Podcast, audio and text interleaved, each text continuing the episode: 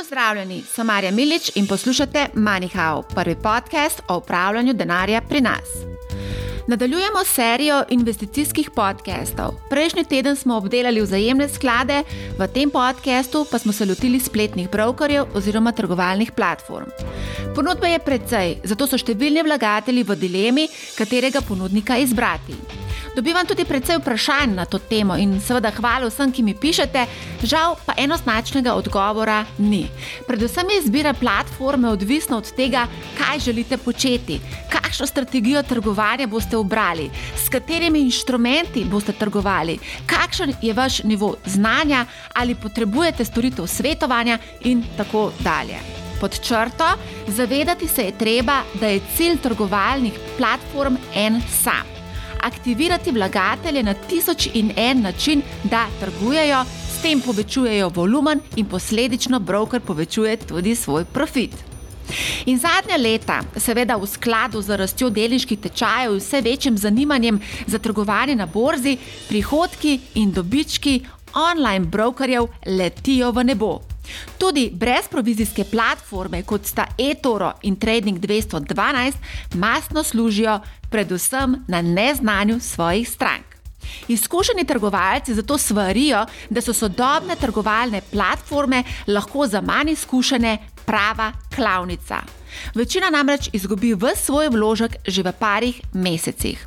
Vse novotarije, ki smo jim priča danes, od social tradinga do frakcijskih delnic, so pravzaprav orodja za pospeševanje prodaje in aktivacijo segmenta manj izobraženih in manj premožnih vlagateljev cel kup je tudi skritih stroškov, ki jih večina sploh niti ne zazna, niti ne ve, da so bili obračunani.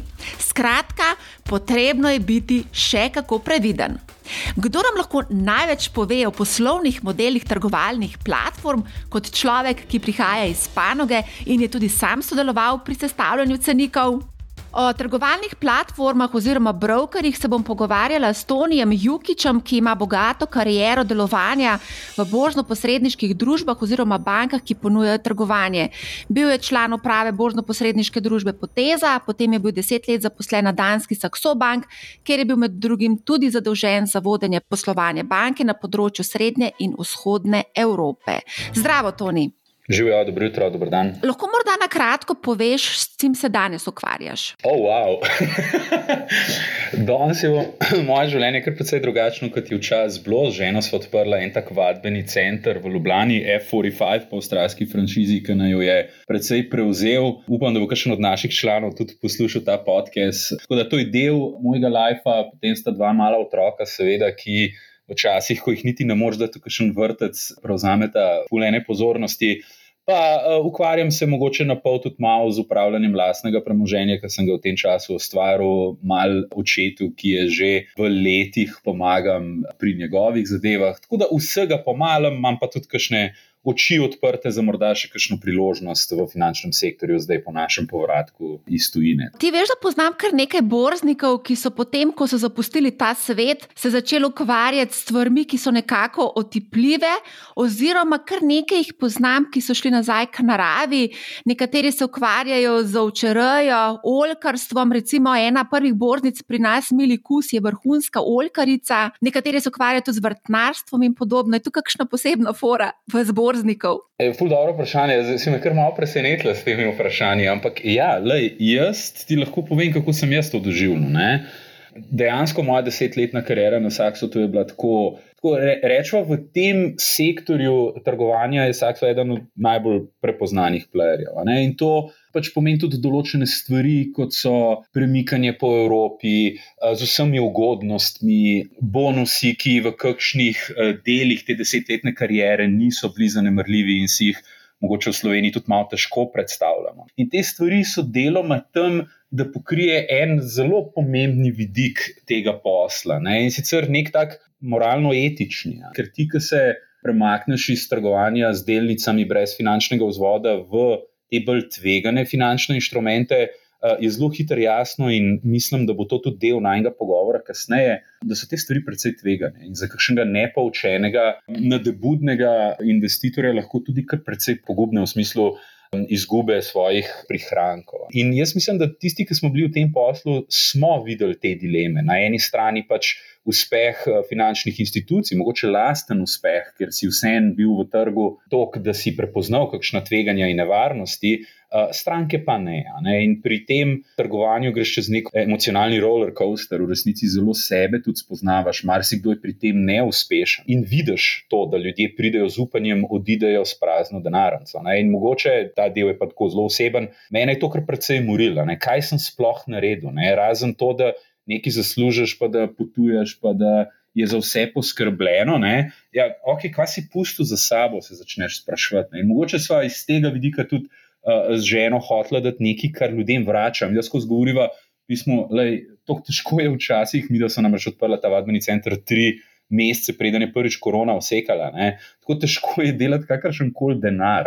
Naj projekt v, v tem trenutku Eh, niti približno ni profitabilen. Ne? Samo imaš pa neko drugo misijo, nekaj ljudem vračaš in ki naše člane vidiš, ki se spravijo v formo, ki pridejo z veseljem sem, ki imajo več energije, ki povejo, da so ful srečni, da nekaj za sebe delajo, pa to mogoče ti zdaj, ki ga pogrešaš na, na, v uni prejšnji karieri, kjer pa ljudi. Ponavadi vidiš v, v tistem res obupanem stanju. Zdaj, odvisno, seveda, za koliko tvegano trgovanje, slash investiranje gre, uh, ampak če gre za, za take malo bolj zabavne stvari, a ne vidiš kar ogromno takega. Tako da mogoče malo pol kompenziraš, rečeš, nekaj drugega bi naredil, čist, da pomiriš svojo dušo ali pa da nekaj vrneš ljudem. No. Definitivno boš sedaj vrnil nekaj ljudem in sicer boš razkril stvari, ki jih načeloma v bistvu mali vlagatelji se, se niti z njimi ne ukvarjajo. Ampak greva zdaj, mogoče sam še pojasniti, ti si zapustil Saxo Bank pred približno tremi leti in od takrat se je v bistvu svet bornega posredništva precej disruptiral. In investiranje je v bistvu postalo malo podobno igranju igric, torej govorimo o gamifikaciji trgovalnih platform. Na nek način je to postalo tudi problem, saj se je trgovanje v bistvu približalo sferi navidezne resničnosti in marsikdo v tem svetu izgubi nadzor nad sabo in nad tveganji, ki jih sprejema. Nekaj se že o tem omenil, pa bi rada še malo sekala z eno bolj brutalno zadevo in sicer neki izkušen borznik mi je rekel, da ko združiš mlade, in besedo sodobna trgovalna platforma je prva stvar, na katero pomisli klavnica oziroma odiralnica. S tem je predvsem mislil, da 70 odstotkov novincev konča uh, na trgovanju s finančnim vzvodom in na koncu z izgubami. To ni nič novega. Ne? Zdaj sodobne platforme, mladi vstopajo. Jaz mislim, da gre ta industrija pač tako kot mnogo drugih industrij čez neke cikle. Ne? In jasno je viden, zdaj mimo grede, jaz sem konc 2018 zapustil Sakso, se potem na kratko pridružil fantom na Bitstampu, za, za pol leta tam tudi malo bolj podrobno spoznal kriptosvet, ne? ampak neke zakonitosti pa ostajajo nespremenjene. Ne? In jaz mislim, da je tukaj odstotek precej višji, ne gre samo za 70 odstotkov. Jaz mislim, da pa seveda mi takrat smo delali te raziskave, smo gledali, ampak ti, ki si v tej industriji, spoznaš neko tako dualnost, neko konfuznost, mogoče eh, neko skizofrenijo in sicer. Na eni strani konstantno govoriš o tem, da demokratiziraš dostop do finančnih trgov, da omogočaš ljudem dostop do nečesa, kar je bilo prej dano samo, samo posebnežem, na drugi strani pa tvoj poslovni model tak, da samo tisti, ki res aktivno trgujejo in s tem svoje premoženje spravljajo v relativno tvegane situacije, samo na tistih zares služiš. Ne? Tako da ta dualnost je, je pri finančnih inštrumentih z, z finančnim vzvodom vedno obstojala. Ne? Govoriva lahko že pač, vem, 1870, 80, če se prav spomnim, ko so prve terminske pogodbe se začele pojavljati, ko, ko je na Čikaški, Chicago Board of Trade, ki se je uh, pač ponudil kmetom, da so, da so pač hedžali neke svoje izpostavljenosti, ki so jih imeli pri poljedelstvu. Ne? In pa zelo hitro se je pač temi inštrumenti tudi špekulativnih namenov začel trgovati. Tako da to ful obstaja že dolg časa. Je pa res, ne, da ti, ki gledaš, kakšna stranka ti je na voljo in kateri playerji v tej industriji napadajo, kakšen tip stranke, ne, si moraš zelo hitro kakšne novosti umisliti. In zelo sodoben dostop preko telefona, aplikacija, ki je super simpel za uporabo, ki eh, nekako targetira mlade. To so sve pač eh, stvari, ki so se v zadnjih letih tudi mogoče malo bolj agresivno pojavljale kot prej. Če pogledamo neki Interactive ali pa Saxo ali pa tudi IG To so playeri, ki so, ki so se vedno grebali za ljudi, ki že neki teh prihrankov imajo. V zadnjih letih pa, pa imaš tudi take, ki targetirajo pač na, na zelo preprostega uporabnika. Pa še ena stvar je zelo pomembna, kar sem prej v cikli govoril. Recimo, nam, nam je bilo jasno, ko sem jaz odraščal ne, in zdaj bom se razkril, koliko sem star. Kar ni nič narobe. Ampak, ker sem jaz tako zaključil z faksom, ne, to, je so, to je bilo leto tam konc 90-ih, 2000, 2002, 2003. Ne. Mi smo bili še vedno, se mi zdi, nekako pod vplivom osamosvojitve, neke nove, nove energije, ki je nastala s to državo. Smo se zgledovali po Ameriki, res je bilo kul, cool, da si tradil delnice. Tako, vsak se je hotel s tem ukvarjati, zdaj se je malo pretiran, ker rečemo vsak. Ampak ne, bilo je kul, cool, da si se spoznal, da si odprl prvi borzo po senčki hiši, pa si nekaj kupoval. Se spomnim mojega prvega nakupa. Delnice, ki je bil slabih 20 let nazaj, ko sem kupil delnico Renaulta, na pariški borzi, se mi je to zdelo strašno imenitno. Pa lepa. Po kredit Crunchu 2008-2009, prihodom recimo v to delovno silo milenicev, se mi zdi, da je za neki let enostavno privlačnost finančnih trgov padla. Ne? Mi smo se doskrat o tem tudi pogovarjali, ni bilo več kul. Cool.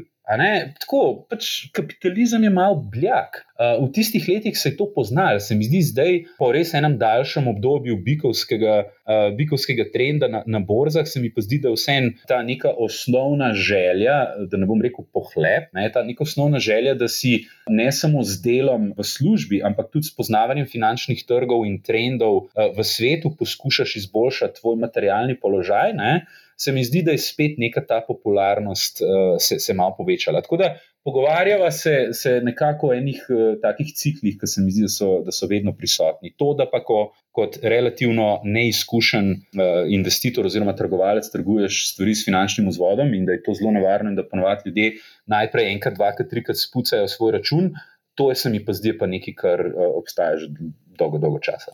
Zdaj, ko govoriš, kako je kul cool trgovati, dejansko smo bili leta 2017-2018 priča tako imenovano kriptoreliju, potem se je vse skupaj mogoče malo ohladilo, danes govorimo o stokreliju.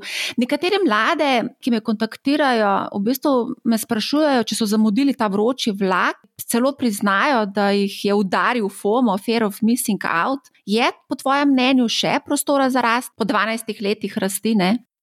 Ful, zanimivo vprašanje. Ne? In preden odgovorim na njega, moram dati en tak velik disclaimer. Ne? Jaz se v resnici s tem, kam investirati, nikoli nisem ukvarjal v profesionalnem smislu. Jaz sem bil vedno tisti, ki je skrbel za infrastrukturo, za procese, za oddelke, koordinacijo stvari. To je bil recimo moj del. Jaz nisem bil tisti, ki si ga vprašal, ali je to še za kup. Za sebe, za svoj račun sem se seveda s tem ukvarjal. Ampak recimo moja filozofija zdaj, ko sem pač imel to srečo, da sem lahko nekaj malega premoženja si ustvaril s to mojo kariero v tujini, moja strategija se je popolnoma spremenila. Mene so fanti še takrat v, svoj, v mojih res agresivnih letih poznali kot ultrašpekulanta, ki je itak delo same neumnosti. Ne? Kolega Šimnic me je spomnil na nek moj izrek, pa je 10-12 let nazaj, se sploh ne spomnim. Nekaj smo se pogovarjali o tem, ali je še nekaj zakupiti ali ni to Ben ne ve, vse nimamo pojma, vse je itak nepomembno. Zdaj, tukaj se skriva mogoče nek cinizem nekoga, ki je uh, očetov denar vzel in ga na balkanskih borzah, vem, izpuhtel v prah. Nekoga, ki je mislil, da bo samo s tem, da bo gledal tehnično analizo na Forexu, že 15 let nazaj zaslužil, pa je ne vem, dvakrat, trikrat spucil račun. Mislim, to je nek tak cinizem, neko trdo kožo ti to dane. Da v resnici, bolj kot misliš, da nekaj veš, mej in veš. In je fajn zelo sebe konstantno imeti pod nadzorom, da, da v resnici nič ne veš. Tako da jaz se s tem nisem ukvarjal, jaz samo za sebe investiram. Jaz sem se 2017, mislim, da 2018, morda čist pobral iz delniških trgov dol. Jaz sem že takrat mislil, da smo mi s tem načinom obvladovanja strukturnih težav, ki jih imamo, in kar dam v prvo osebo množine, ko govorimo o svetu, torej o konstantnem povečevanju dolga, tiskanju denarja in pretvarjanju. Temu je naš na Saksotu ekonomist Tim Jakobsen, ki je bil na vseh televizijah vedno tisti, ki je zastopal naše poglede, temu rekel politika extend and pretend. Torej, extend v smislu nadaljuj, kar si delo, tiski denar ne, in se pretvarjaj, da je vse v redu. Ne. Tako da jaz sem že 2017 šel v nakupe zemlje, pač nepremičnin in mrahlo kasneje tudi v, v kripto. Predvsem samo Bitcoin v tem trenutku je tisto, kar me je takrat zanimalo in me še vedno zanima. Ne? Tako da nekaj, kar ne moreš iz nič ustvariti. Zdaj, kaj hočem s tem povedati? ne vem, ali bodo delniški trgi še šli gor ali ne. Nimam pojma. Kar vem, je, da če gledam svoj portfelj in kako želim biti pozicioniran, želim biti v stvarih, ki so omejene v tem trenutku. Ne? In tako pač nekako zdaj le postopam, in, in tako sem razpršil moje premoženje. Ne? To ne pomeni, da še kakšno leto, dve ne bo uh, priložnosti na delniških trgih, zagotovo bo. In je jasno, ne, da je zelo malo stika z realnostjo v tem trenutku, te delniški trgi imajo, ampak so bolj povezani uh, s tem, da so na voljo enormne količine denarja, ki prihajajo iz FED-a, torej iz nekih centralnih bank, dol do ustanov v tem prvem redu. Eh, nekaj pride pol naprej do, do seveda, Janeza Novaka na ulici, ampak vmes enkrat enega denarja, pač te likvidnosti ostaja in gre pač na borzo in se podpirajo to vrstni tečaj pri teh uh, vrednotenih, ko so. Ne. Tako da nimam pojma, je pravi odgovor. Jaz sebe pozicioniram tako, da sem v stvarih, ki so omejene. Ne. To nekako bi bil moj odgovor. Nekako si zaopisal celo svojo pot od trgovalca, špekulanta do konc koncev tudi malo dolgoročno ravnanega vlagatelja. Zanimalo me je, v bistvu, kakšna je statistika. In v Sloveniji statistike nisem našla, sem pa našla recimo za Nemčijo. Aktivnih trgovalcev je v Nemčiji okoli 15 odstotkov od vseh, ki imajo borzno-posredniške račune, večina pa jih trguje prek brokerjev, kot so Dežiro, Flatex, Interactive Brokers, v povprečju pa naredijo med 40 in 100 transakcij na leto. 90 odstotkov vlagateljev pa jih naredi do 6 transakcij na mesec, večinoma z delnicami in ETF-ji. Bistveno več, torej slabih 85 odstotkov, je vlagateljev, ki naredi do 40 tradov na leto. Kar pomeni tri transakcije na mesec, medtem ko je teh hipertraderjev manj kot odstotek, ti pa naredijo več kot 100 tradov na leto, oziroma vsaj 8 transakcij na mesec. Koliko transakcij naj bi po neki logiki na leto naredil v poprečju, recimo, nek dolgoročni investitor?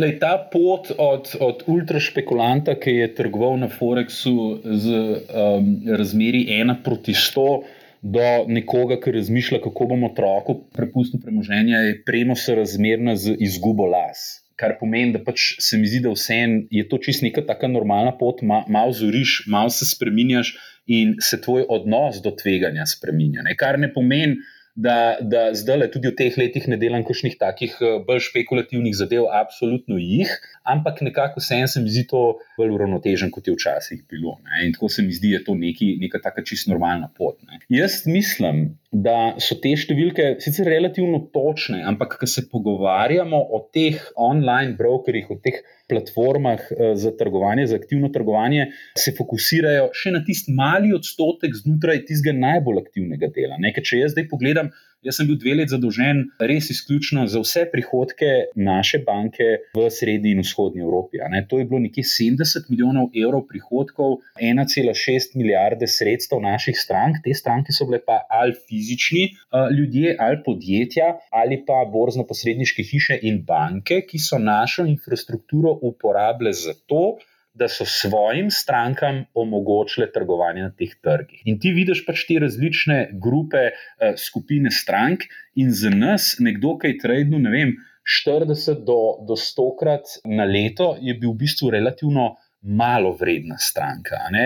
Ti, ki gledaš, pač ti tvoji prihodki prihajajo, je zelo, zelo hitro je jasno, kako nesorazmerno porazdeljeni so ti prihodki. Ti imaš mogoče res mali odstotek od teh ultraaktivnih trgovalcev, ki z velikimi vsotami premetavajo aktivno, govorijo tudi večkrat na dan. Nekdo, ki mogoče naredi kakšnega robota s kakšnim softverom in se potem prek API-ja poveže do tebe, kaj to je, na hitro razložim, če sekundo, lahko naredi do 10-20 tradov na, na minuto s tabo. Ne? In seveda pri vsakem si vzameš mečken prihodkov. Če sem na hitro razložim, API je način trgovanja, kjer ti ne z očmi in s klikom na, na GUI, na Graphic User Interface, torej ne tiskar imaš na telefonu, oddaš naročilo ampak ga preko programskega jezika, ki se v tej industriji uporablja, na elektronski način, do nekajkrat na sekundo lahko pošlješ paket podatkov.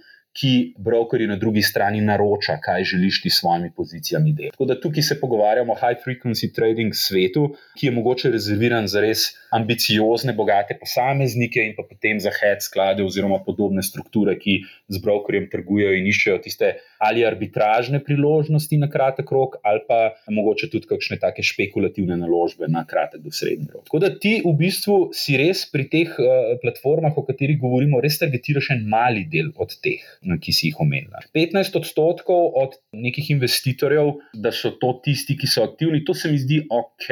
Uh, odstotek, ampak znotraj tega je pa pač, ker ta paket odpreš, kot sem rekel, ima še vedno ful veliko enih, enih razlik.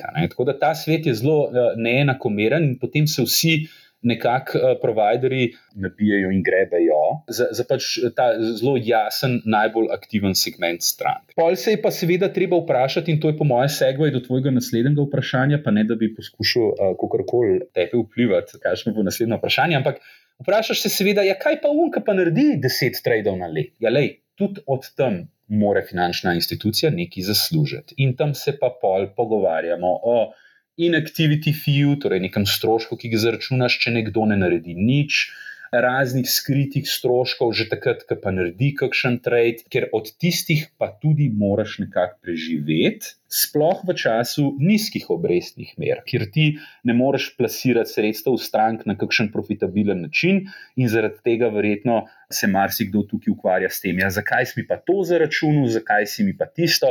Je ja, zaradi tega, ker drugače pač enostavno nima pravkar nič od takih strank. Ampak to nekako se mi je zdelo primerno povedati. O stroških bova potem malce več povedala, jih bova konkretno tudi secirala.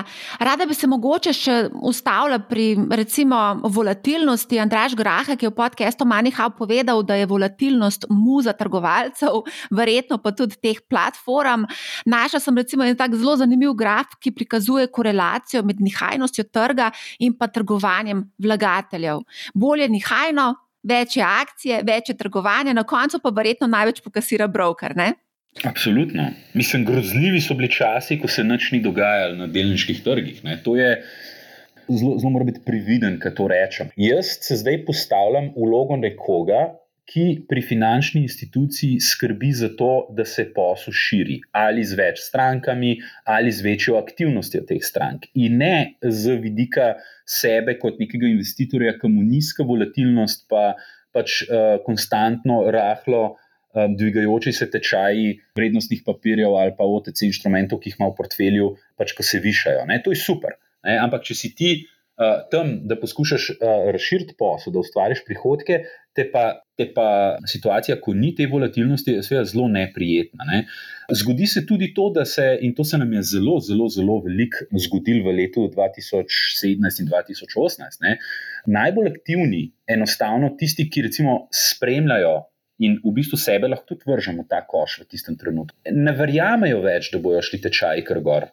Zakaj? Zaradi tega, ker gre za neko umetno napihovanje tega balona, ker ti tok enega denarja pač napumpaš v sistem, marsikdo razmišlja o tem, da pač to se bo prej ali slej končalo. Zaenkrat se še ni končalo, ampak tisti aktivni trgovalci se ustrašijo tega trenda in se kvečem zgodi, da začnejo šortati trg. Ljudje so to začeli delati in kaj se je pol tem našim najbolj aktivnim, najboljšim in najbolj bogatim strankam začelo dogajati? Ja, pismo, vsi so začeli izgubljati. Vsi so bili na šortih, niso hoteli zamenjati pozicije, kar je itak.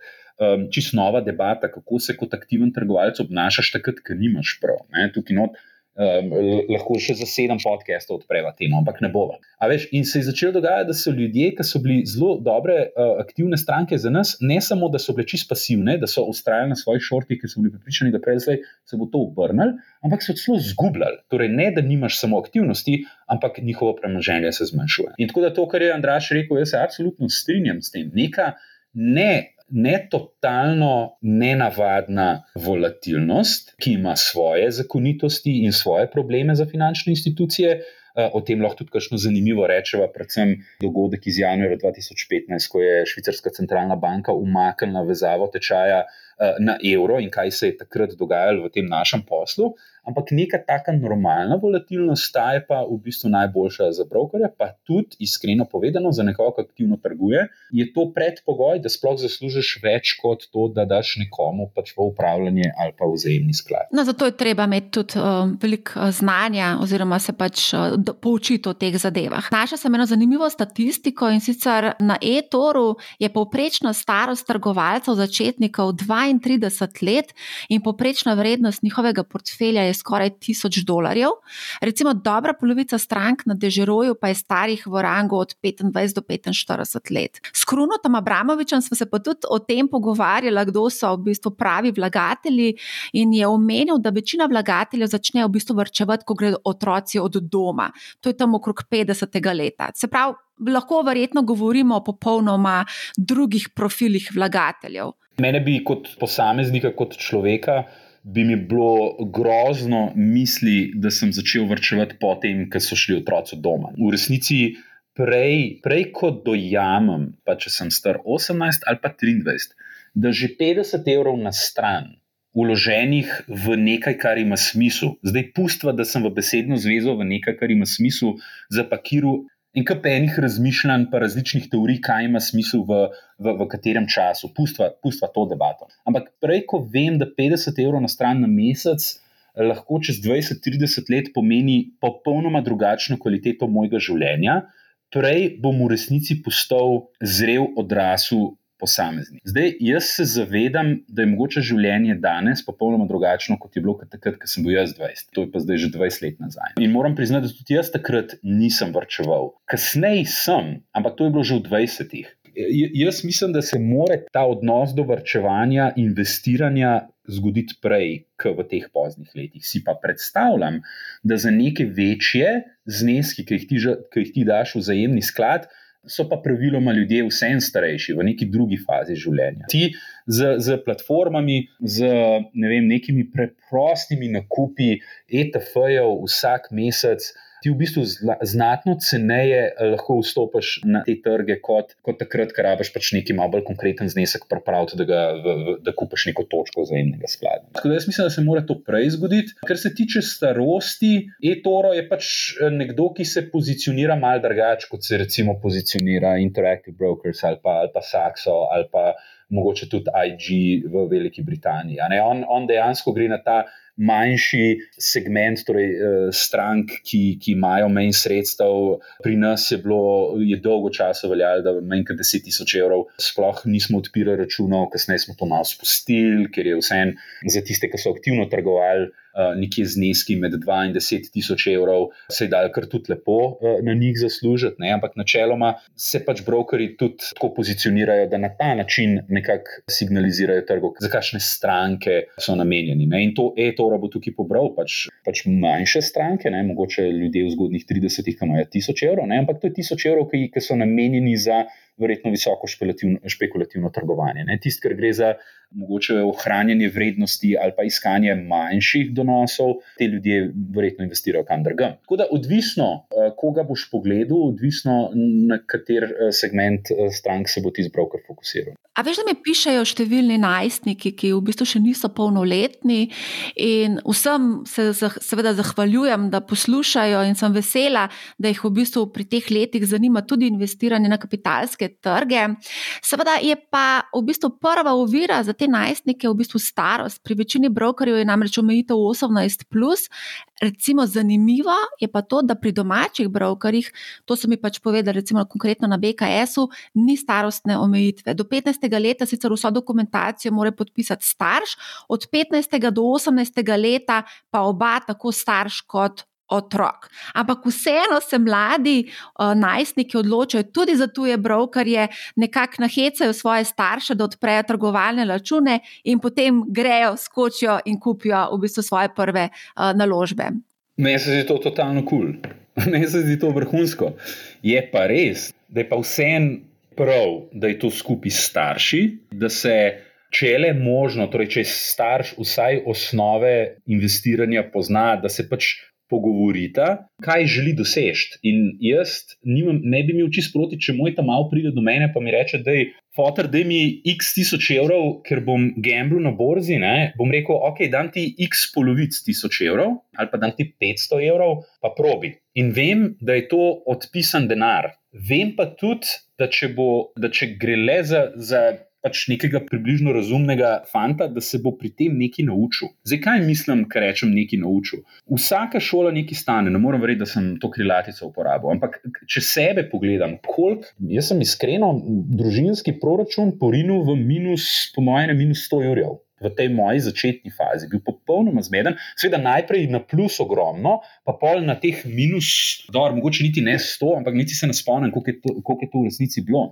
Ampak brez tega jaz nikoli ne bi mogel biti tako uspešen v tej karieri, kot sem bil, ker sem se na. Na, na pozicijah, kjer sem se lahko pogovarjal o tem, kako formuliramo oddelke, katero oddelek dela kaj, kako dobimo stranke, kakšen je proces, kako skrbimo za tiste stranke, ki imajo x milijonov, pa nas pa trajajo tok in tok, kaj dobi on, kaj dobi. Z vsemi temi ljudmi, ki ti sediš na večerji, ko jih srečaš, ko sediš na sestanku, sem se znal pogovarjati o tem, kaj se na trgih dogaja. In da se na eni strani pogovarjaš o infrastrukturi, o drugi o poslovnih modelih, in istočasno, ko je že tisto tretje, četrto pivo na, na, na večerji, še o tem, kam gre denar, kje so nevarnosti, kako se denar zgubi enostavno mi je to omogočilo, da sem v bistvu zelo, zelo, zelo dobro se odrezal vseh teh deset let. Tako da nekaj se naučiš. In tudi zdaj to, kar počnem, je rezultat vsega tega, kar se naučiš na borzi. In, in še več. Naučiš se oseb, naučiš se, kako reagiraš, ko gre vse na robe, naučiš se, kako se boš počutil, ko gre, ko gre vse na robe. No? In to so tako neke take neprecenljive izkušnje. Jaz tudi v kakšnih drugih situacijah rečem, ful velik stvari, ki sem se jih naučil v življenju nasploh, me je naučila borza. In to boš razumel samo, če boš čutil tisto bolečino, ki zgubiš, ki boš čutil tisto euforijo, ki zaslužiš denar, ki ga v resnici je bi drugač zelo težko. In menedžiranje občutkov in sprejemanje treznih odločitev na vkljub tem občutkom, ali veselim, euforičnim ali paničnim, je tisto, kar je umetnost udejstvovanja na borzi. Tako da, če pride mulj k meni, ja, kontroliramo, se o tem pogovarjamo. In še ena stvar, ne, a, a učiš mlade, da se z, brez dela pač nekaj dobi? Ne, s tem, ko mu omogočaš, da gre na trg, ga boš kvečemu naučil to, da ni težjega načina, kako zaslužiti denar kot na trgih. Če si sam, če si nek retail investor, to je res resnici težko. Lahko je, ko pač konstantno vlagaš leto za letom, ne kakšen let bo minus, kakšen let bo plus, ekonomija bo rasla, torej na koncu bo tudi tvoje premoženje raslo. Ampak, če greš ti provat aktivno trgovati, izkoriščati kratkoročne dvige in pace, boš pa težko najdel stvar, kjer je težje zaslužiti. In še ena stvar, mulci se bodo vprašali, ja, kaj naj investiram. Odgovor na to če ga najdeš, pa pomeni, da moraš razumeti trende, da moraš razumeti, kaj je, s čim se to podjetje ukvarja. Ne, kaj so nove tehnologije, ki se pojavljajo? Omenjal si tudi izgubo in bolečine izgube. Kje misliš, da je tista točka, upada tečaja 20, 30, 40 odstotkov, ko rečeš, ah, to me pa zelo boli, ah, ustrašil sem se, ne bom več prišel nazaj. Ker to smo namreč doživeli. Moraš vedeti, da je veliko uh, vlagateljev leta 2006-2007 investiralo na Balkan, uh, so se fejsto pekali in potem nikoli več vrnili nazaj. Uh, lahko ti konkretno povem, moj zdravnik mi je zanč kazal Excelovo tabelo, koliko denarja je izgubil leta 2006-2007, vzel je tudi kredit za to, da je kupoval balkanske naložbe, uh, nikoli se ni potem po tem bolečini, ki jo je doživel takrat, vrnil nazaj na kapitalske trge. Prvič, če si zdravnik, pa vzameš kredit, da investiraš na balkanske borze. Že same te besede me bolijo. Klej en kup enih stvari, ki je narobe. Ampak, le, čakaj, samo malo, to moramo staviti. Niso bili samo zdravniki, ki so to počeli, ampak tudi zelo finančno pismeni ljudje. Ne, ne itak. Vse štekam. Govorim zaradi tega, ker tudi glih danes zjutraj sem se zbudil in, je, in, in, in tako en, uh, en, en človek reče: še nikoli v lifeu nisem bil tako buliš na, na Bitcoin, vzel sem kredit in mi je tako. Oh, Hočem ti to povedati. Prva stvar, ne bi govoril o tem, koliko tečaj pade. Zaradi tega, ker nekdo, ki trguje s finančnim vzvodom, trguje recimo futures, standardizirane terminske pogodbe ali pa CFD-je, imaš tam finančni vzvod, kjer založiš, torej za kritje daš recimo 10 odstotkov, a veš ti že 10 odstotkov zredirati tvojo začetno investicijo. Ne? Tako da govoril bi o odstotku. Paca vrednosti portfelja, ki si ga namenil za to. Jaz mislim, da res začne boleti tam med 20 in 30, pri čemer je vedno pomembno, kakšen odstotek tega portfelja, ki si jo za to aktivnost namenil, je v celotnem tvojem neto premoženju. Ne? Nekdo lahko reče, da je zdaj 10, Mislim, da, mislim, da sem uh, poslušal sem z, uh, uh, tvoj podcast z Merlakom, ki je rekel, da je, mislim, da zgubil 7 milijonov na, na nafti, ki še let nazaj. Ne? In tako slišiš, se, wow, 7 milijonov, vrgu se bom dol za stolpence, ne? nikoli v lifeu ne bom tega pač zaslužil nazaj. Ne? Ampak treba se zavedati, kakšno je njegovo neto premoženje. Mislim, da so javni podatki koliko je zaslužil s prodajo Bitstampa. Tako da upam, da mi ne bo zameril, če sem si njega vzel kot primer. Ne? Tako da treba je vedno gledati, kaj je to odstotek premoženja. Poleg tega, da je seveda omenil, da je v preteklih eh, letih zelo, zelo uspešen na trgovanju z, z nafto. Ne? Tako da hočem reči, gledati moraš, kaj pomeni to v celotnem portfelju. In druga stvar je, da celo pač nimaš razpoložljivih prihrankov, ki bi jih rad v neko menj ali bolj tvegano eh, stvar uložil, ampak da si greš sposojati ta del je pa že, je pa že lahko zelo nevaren in je lahko zelo tudi uh, življenje spremenjajoč. Tako da verjamem, da ljudje, ki so prišli pozno v to neko balkansko euforijo, in tudi jaz sem prišel nekje relativno pozno, oziroma jaz sem relativno ok, prišel, pa se nisem tega znebil. Ne, tudi znebiti se je tega pravem trenutku umetnost. Ker vse, kar ni likvidno, ko se enkrat pač sentiment obrne, ker se ljudje hočejo um, eh, znebiti določenih delnic, je, je praktično nemogoče. Ker je tako kot na stadionu v starih časih, ko smo šli gledati futbol na, na plečnikov stadion, pa so bila samo ena vrata odprta in tisoč, dva tisoč ljudi hoče na ena vrata, pač ne gre. In v bistvu pri teh bolj tveganih trgih, kjer je likvidnost mehna, je seveda to tisti luč, ki je, je problematičen. Ne? Tako da Jaz bi rekel, vse je vedno treba gledati čez neke odstotke neto premoženja, koliko odstotkov od tega ti, čist, eh, ti ne bo spremenilo življenje, če ga izgubiš, in tisto je potem to, kar namenaš za bolj tvegane stvari. Mogoče bi tukaj sam se dotaknila pač tega kupovanja s kreditom. Dejansko je to danes pač normalna praksa, številni to počnejo preko borznega posrednika, ne grejo sicer na banko, ne, kot eh, leta 2006-2007, pač kupujejo, trgujejo z vzvodom skladom? Lej, če imam jaz 10 jurjev in rečem, imam službo, imam žena službo, imamo že neko stanovanje, zaslužila sva, do zdaj sva dala na kap 20 jurjev, da bom jaz teh 10 jurjev porabil za, za, za špekulativne zadeve, ker vem, da bo ta delnica potegnila.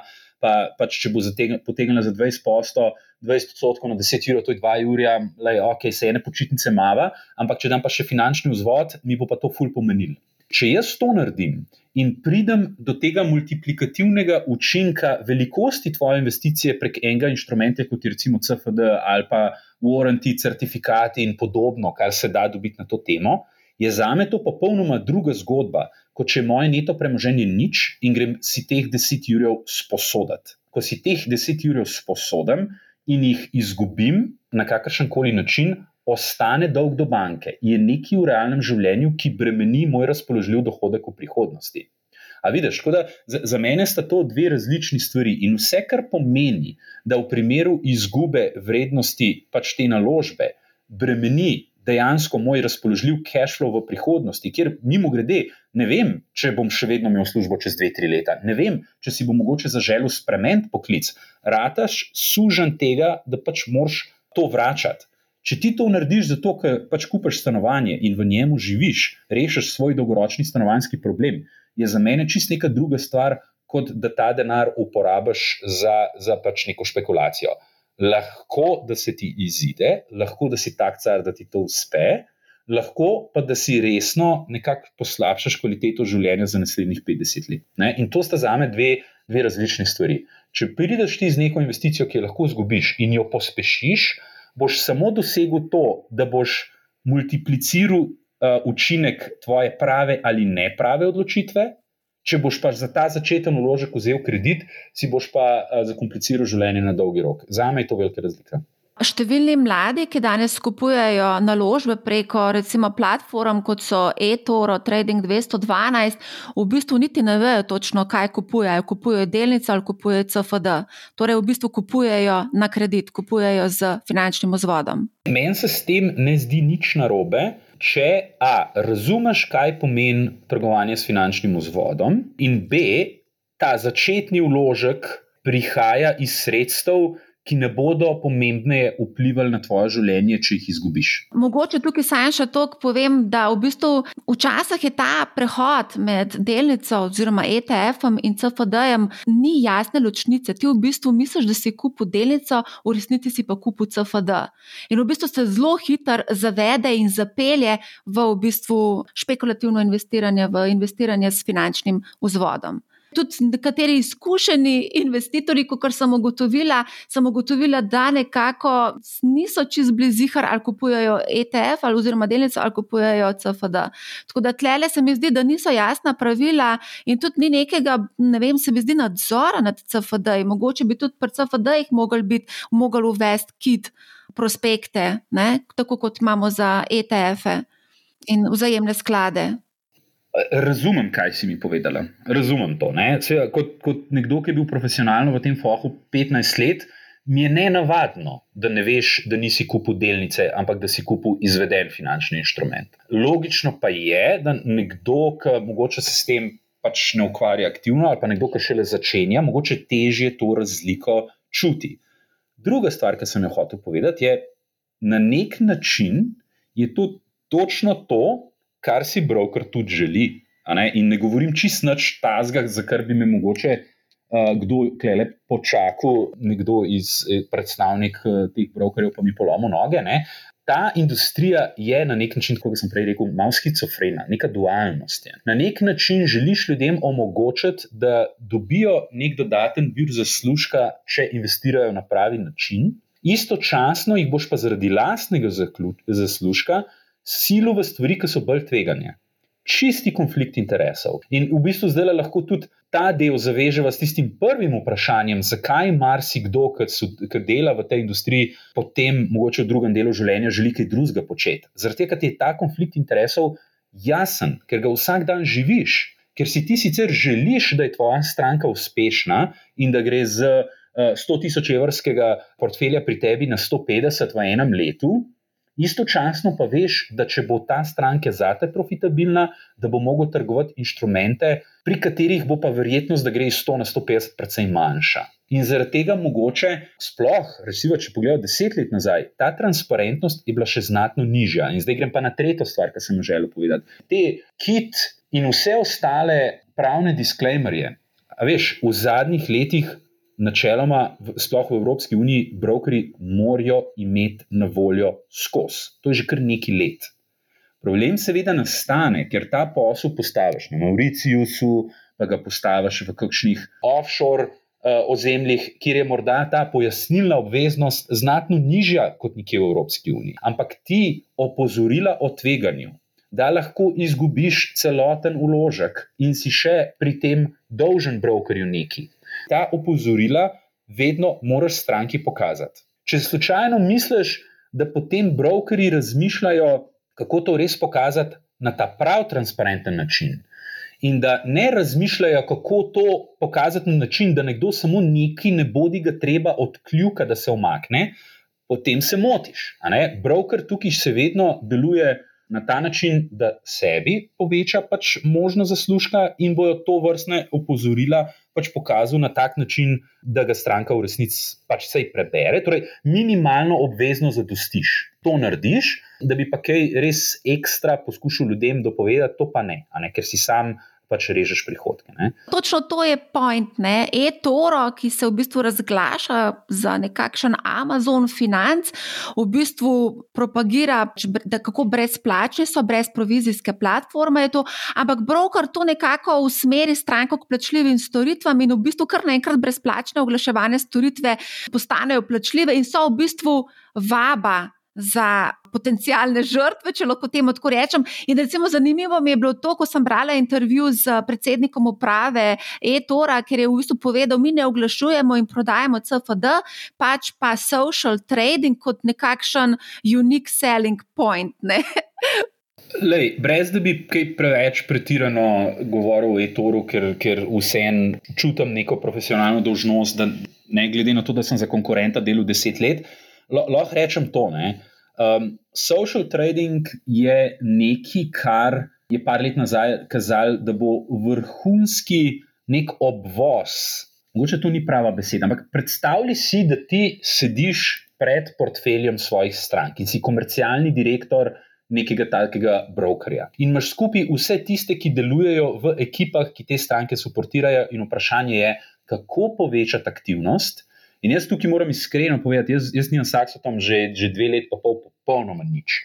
Ampak tam res, res, res smo delali, so delali ljudje, ki so porabili ogromno enega časa, kako ljudem pomagati biti profitabilen. In jaz sem vedno imel občutek, da delam za najbolj, rečemo, kredibilnega in pošteno institucijo v tej industriji, ki je mogoče.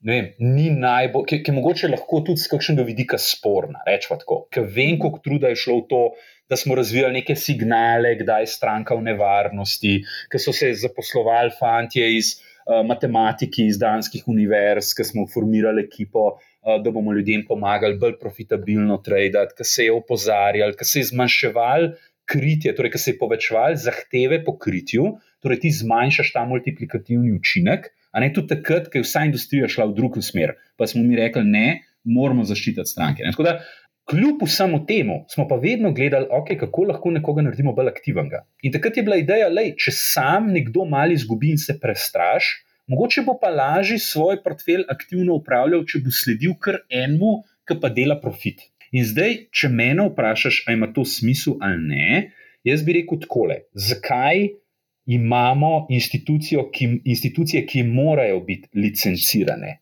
ki morajo iti čez zelo, zelo, čez precej enih ovir, naj si bo pri kapitalu, pri procesih, pri licencah, pri vsem, da se lahko ukvarjajo z nekaj, kar po MIFID-u rečemo upravljanje premoženja ali investicijsko svetovanje. In na drugi strani, Jimmyju 756 hod, omogočimo, za katerega sploh nek človek ne ve, kdo to v resnici je, broker seveda ve, ker je mogel za njega odpreti račun in ga, in ga identificirati. Ne? Ampak nekemu Jimmyju 5708 hod bom jaz zaupal in bom svoje premoženje povezal, oziroma svoj račun linku z njegovim in potem tradu po tem, ko on trade. Kakšne ima on risk management parametre, na podlagi česa se on odloča, kakšno je njegovo znanje o teh finančnih trgih. Nič od tega v resnici, zdaj mogoče že malo več, ampak tako kot sem še jaz spremljal, ni bilo jasno. In zaradi tega se je meni zdel um, vedno, da ta social trading v resnici je nekaj, kar ni v končni fazi v korist stranke. Lahko da se motim, lahko da je tam en procent nekih fantov, ki res totalno rastura in imaš ti zdaj možnost njega slediti in kopirati njegove trade, ampak v resnici je to pač z vidika brokerja nekaj, kar absolutno pospešuje volum, uh, ustvarja dodatne posle in s tem zaslužek. In moja, nekak, moje razmišljanje je, če nočeš samo upravljati svojega premoženja. Zaupaj nekomu, ki je licenciran, ki je reguliran, ki ima ustrezno kapitalsko ustreznost, da ima svojo finančno institucijo, ne pa pač nekomu, za katerega ne veš, kdo je nekaj, če tudi izgleda, da je tisto leto dobro trgoval. Tako da, kje je kle ta moralna spornost, ki je, veš, to je zelo, zelo tako, vse je nekako um, mal zamegljen. In ti lahko nekaj prodaš kot popolnoma dodano vrednost za nekoga, v resnici pa na tak način veš, da boš samo pospeševal svoj volum in, in, in svoje prihodke. Greva se še dotakniti ene zadeve in sicer poskušala sem ugotoviti, preko katerih platform trgujejo Slovenci, kaj uporabljajo. Raziskave nisem našla, zato sem, na, zato sem prosila člane Redditovega foruma Slovenija Fire, da pač odgovorijo na vprašanje, preko katerega brokerje trgujejo. Odgovorilo je preko 190 članov, vsem se seveda zahvaljujem in jih hkrati tudi lepo pozdravljam. Torej, rezultati. 24 odstotkov jih trguje preko brokerja Trading 212, dobra petina preko Interactive Brokers, skoraj 16 odstotkov preko CapTraderja, ki je Introducing Broker za Interactive uh, Brokers, sledita še eToro in Revolut, vsak s po 10 odstotki glasov. Trading 212 in eToro in Revolut seveda ponujajo brezprovizijsko trgovanje, prva dva sta specializirana za, tudi za CFD-je, Revolut pa ima pač precej omejeno možnost trgovanja. Priča smo torej pravi poplavi platform za trgovanje in marsikdo je zdaj v dilemi, katero izbrati. Na kaj si moramo najprej odgovoriti pri sebi, ko izbiramo prvo platformo za trgovanje? V resnici, full simple vprašanje, ki pa, če ga malo bolj kompleksno pogledaš, niti ni tok. Ampak deva, deva ne par stvari na mizo, pol pa mogoče rečeva, ok, če gre pa za prvo trgovanje, ti pa verjetno od vseh teh stvari ni pomembno to in to in to. Ne? Prva stvar, ki bi jaz vedno vprašal, je, kakšen je namen trgovanja, oziroma kakšen bo tvoj trgovalni stil. Druga stvar, ker, ker, ker bi verjetno izbira za nekoga, ki bo naredil tistih, ne vem, en trade na mesec, pa to recimo v delnicah, pa v obveznicah, mogoče fajk čist drugega kot nekdo, ki bo, bo tradil opcije na Forex. Ne? Torej, kaj točno bo tvoj stil, kaj hočeš doseči, kakšno je tudi tvoje znanje v različnih instrumentih, in to je druga stvar, Torej, katere instrumente ti pač ta finančna institucija ponuja? Boš imel delnice, boš imel obveznice, ok, če skočim v svet izvedenih finančnih instrumentov, kaj pa če hočem trgovati nafto, zemeljski plin ali kakav?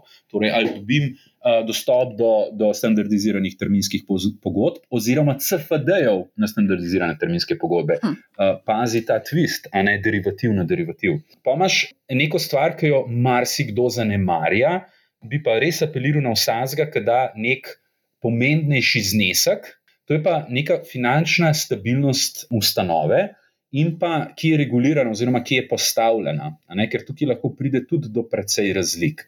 Znotraj tega je zelo, zelo, zelo uh, pomembno vprašanje ločevanja sredstev strank. In, in sredstev finančne ustanove. Recimo, ena stvar, ki je marsikdo ne ve, mi na Saxo Bank nismo mogli ločiti sredstev strank. Torej, če nekdo poslal nam denar in bi mi šli v stečaj, bi se premoženje, ne premoženje, mora biti natančen, denar strank, bi šel v to stečajno maso za poplačilo upnikov. Ti bi iz jamstvene scheme lahko dubu pač nazaj do določenega zneska, pri čemer vrednostni papiri, torej če si pa ti delnice kupil, delnice so pa bile ločene. In zdaj, kaj hočem s tem povedati tukaj pri tem delu? Pomembno je, da vsaj malo razumemo, ali je naše premoženje ločeno. In če bi šel, uh, če, če gre finančna, uh, če zaide v težave finančna ustanova, kakšna je verjetnost, da jaz do tega denarja pridem. Če gre za večje zneske, je to lahko zelo, zelo, zelo pomembno vprašanje. Potem ena stvar je način izvrševanja teh poslov. Recimo, uh, zelo pomembno nekaj let nazaj je bilo. Da si ti izbiral Forex brokerja, torej tisti, kjer si torej brokerja, providerja, ki ti je nudil trgovanje z, z valutnimi pari, ali si direktno z brokerjem izvršil in si v bistvu na njegovo v tistem trenutku razpoložljivo likvidnost, si tradil proti njemu, ali je on to razpraševal naprej na njegove liquidity providerje. Ne? Zdaj, to je lahko včasih pomembno, včasih ne, ampak recimo to je tudi ena od stvari, ki jih je fajn vedeti. Ne? Potem marsikdo se bo vprašal, kaj če je kaj narobe, koga pokličem. Ali imajo fante, ki dvignejo telefon, ali je neka podpora v obliki živega človeka. Če ti nič ne plačaš, boš tudi težko dobil živega človeka, ki boš imel kakršen koli problem. Naj si bo davčni vidik, kako ki poročam, kaj moram narediti, da mi lahko date ta, to poročilo. Če recimo pride do tega, da tehnično ne moreš izvršiti naročila, ali lahko pokličeš oddelek, ki bo zaprl tvoje pozicije. Ti imaš lahko velike pozicije na lepo, ki pade v vodo. Eh, nekaj se začne na marketu dogajati, in ne moreš iz svojih pozicij ven. Ne? Ali imaš neke ljudi, ki ti to podporo lahko nudijo. Ne? To je nekaj takih stvari, ki si jih moraš pač vprašati, ko se odločaš, sploh kaj hočeš. Ne? Zdaj, kar se še dodaja, je seveda ker smo eh, normalno taka bitja, ki nam je vizualno spomnjena. Kakšna je sama platforma? A jo lahko dobim na telefonu, a jo lahko na, na iPadu odprem, pridem do računa in če sem nekaj na telefonu delal, sem avtomatsko poznal iPadu, če je web-based, ki pridem gor ali vse to uh, deluje kot mora. Ne? Tako da pač. Kakšen je ta GUI, Graphic User Interface, ne? kakšna je platforma, uh, mislim, ta vidik očesni vidik um, izvrševanja posla. Ne. Tudi to je pri nekomu pomembno. Ne. Potem so pač cenovni okviri, ne koliko za kakšen posel um, izračuna. In ker si ti narediš tak. Neko množico teh stvari, rečeš, da to mi ni pomembno, to mi ni pomembno, to mi ni pomembno, to mi pa je pomembno, in najboljši v tem vidiku je pač ta ali on. Tako nekako bi se jaz lotil tega razmišljanja. Um, recimo, zanimivo je, da v bistvu nekako nisi v spredje dal zgolj in samo stroške, ampak se mi zdi pomembno, da si izpostavil tudi varnost in to, da pač bankroti borznih posrednikov so se dogajali v preteklosti. Imeli smo bankrot MF Global, -huh. uh, ki je še par mesecev pred bankrotom imel nadpoprečno bonitetno oceno. In pa seveda, par mesecev nazaj smo imeli tudi Robin Hood, so se znašli kar mal v težavah, danes se celo premikajo proti IPO-ju. Uh, mogoče bi še to omenila, recimo, Pomembno je tudi, v bistvu, kakšne so dodatna zavarovanja, ki jih nudijo brokeri. Recimo, e-toro ima zagotovljeno neko zavarovalno schemo za vse svoje stranke v višini do milijona dolarjev. To mi je zelo zanimivo, da si rekla. Jaz bi bil zelo skeptičen do tega zneska, če sem čisto iskren. Se mi zdi pa to izredno visok znesek. Zdaj, glede teh schem, ne, vsaka država bo imela neko, neke drugačne scheme. Tudi v Sloveniji eh, obstoja z, eh, pač jamstvena schema, v katero pač kot, aktiven, uh, borzno, uh, kot aktivna borzna posebniška hiša pač uplačuješ, v primeru, da kdo od članov Ljubljanske borze, kakšen drug uh, borzno posrednič pač uh, gre v stečaj, da se tam da se iz teh sredstev pač take situacije razrešujejo. Ne? Mi na Saksotu smo bili del uh, danske jamstvene scheme in je pač bilo tam zagarantiran, mislim, da do 100 tisoč evrov za fizično stranke pri nas. Ne? In zdaj bom naredil en tak. Mal skok v neko drugo temo, je pa, je pa to zelo pomembno. Sploh, če ti dostopaš do nekega brokerja preko različnih partnerstv, ne, omenila si prej Introducing uh mhm. -huh. Broker, še bolj verjetno znan partnerski model je White Label Partnership, lahko za tebe veljajo druga pravila, kot če si ti direktno stranka pri pač tem uh, glavnem ponudniku. Ne. Omenila si tega Introducing Brokerja od, od Interactive Brokers. Kakšna je tam schema, oziroma kakšno je tam tvoje varovanje? Lahko da je boljše, lahko da je slabše, lahko da je isto, ponovadi je isto, ker pravno, formalno pri introducing broker relationshipih, greš preko enega brokerja, recimo bi lahko bil slovenski, bi lahko bil nemški, do ameriškega brokerja Interactive uh, Brokers, verjetno preko njihovega, njihove entitete v UK-ju, ampak ok, pač nekje prideš do, na tak način do, do Interactive Brokers. Ne? Tako da pri, pri white label partnerstvih imaš pa lahko ti čist drugačno varovanje. In to je pomembno, da pač ljudje vsaj malo pogledajo. Brokeri ponovadi te stvari kar malo zakopljamo v 3. ali 7a člena splošnih pogojev na vem, 47. strani od 219. Zakaj to delamo? Zato, ker se tukaj skriva. In kar enih stvari, od kreditnega tveganja, ne, torej to je tveganje, ki ga ti prevzemaš, da bo tvoja finančna institucija šla v stečaj. Tudi, ko greš na NLB, podpreš račun, je pač ti imaš kredito tveganje te banke. Seveda, ko je taka sistemska državna banka, verjetno v primeru hujših, kakršnih že pač dogodkov, eh, bo država jamčila za te tvoje depozite. Mogoče jih bo jamčila do, do samo nekega zneska. Ne? Jaz sem imel privilegij in glavobol, da sem med. Potopom ciprskega bančnega sektorja doživel nekaj, kar sem se učil pač na faksu, ne? to je bil bank run. Torej, v bistvu celotno sesutje bančnega sektorja. Jaz sem imel pač nek znesek, rečemo, enega malo božjega avtomobila pri tej ciprski banki. Takrat, ko je prišlo do tega sesutja, smo, mi ženo tam živela. In to je bil normalen bančni račun, kamor sem prejemal plačo, kjer smo živela, kjer so iz katere smo pač potovali nazaj domov, in, in normalen bančni račun. Ampak takrat, ko se je ciprski bančni sektor sesul, je prišlo do, do, do pač tega, da je bil haircut, torej pač nad nekim zneskom so tebi določen odstotek sredstev pač porezali, in mi dva sva mesece, vsak dan mogla stati v vrsti, da sva 330 evrov z tega računa dvignila, ker to je bilo maksimalno, kar si lahko pač dvigoval. In sva to doživela. In v bistvu, kjerkoli finančno institucijo boš uporabil, vedno imaš to tveganje, čeprav se morda niti slučajno ne zavedaš. Tako da ta del in kakšna jamstvena mhm. schema velja za te, je nekaj, kar mogoče kaj, dva, tri odstotke um, investitorjev gre pogledati. Tudi zaradi tega, ker je to težko. Ampak kjerkoli boš odprl račun, vprašaj to. Najti nekdo, ki skrbi za odpiranje računa, pošle pač dokumentacijo, ki to razloži. In če finančna institucija tega noče, pač moraš vzeti neko tveganje, da je mogoče stvar tukaj urejena slabše kot pri kakšni konkurenci. Zdaj, ko smo omenjali introducing broker, je marsikdo tukaj v dilemi, koga zdaj izbrati. Recimo, dosti krat kolebajo med interactive brokers in cap traderjem. Kaj bi recimo ti svetoval? Preko katerega je bolje, da investiramo? Le, ne, ne morem nič konkretno svetovati, lahko pa nasplošno tako rečem. Ne. Interactive Brokers, njihov poslovni model je precej nenavaden in zelo neverjeten mi je bilo, ker sem dobil v pogled v to, kako delujejo, ki je eden od mojih res dobrih kolegov. Ki je na Saksotu bil zadolžen za globalni oddelek sales tradinga, smo temu mi rekli. Torej, to so bili ljudje, ki so bili na različnih lokacijah, um, v Singapurju, v, v, v Avstraliji, v Londonu in v Kopenhagnu. In so bili tam na voljo samo za naše stranke, ki so imele težave pri trgovanju. Tla in oni šli na Interactive Brokers ne? in dobiš pogled, kako delujejo. Če je Sakso bil drag in je imel podporo in ljudi, je Interactive Brokers z tega vidika popolnoma okleščen. In to predzgodbo sem povedal, zaradi tega, da, da, da pač pridem na, na poanto tvojega vprašanja. Če si popolnoma samostojen, če, kot Damien, ki je omenil, da, da trade različne opcijske strukture, če ne rabiš nobene pomoči, potem v bistvu ne vidim razloga, zakaj ne bi direkt odprl pri njih. Če rabiš pomoč, in tukaj pa zdaj se dotikava ne točno uh, cap traderja, ampak govorim na splošno o konceptu biznisa, ki sem rekel, introducing broker. Če ti hočeš dobro infrastrukturo podjetja, ki ne zgradi dodatnih funkcij okoli te dobre infrastrukture, če hočeš ti narediti posel, kjer to podporo nudiš, raziskave, analize v lokalnem jeziku ljudem pomagaš potem stopiš v tako partnerstvo. In z tega vidika si predstavljam, da Introducing Broker pač ponudi nekaj več.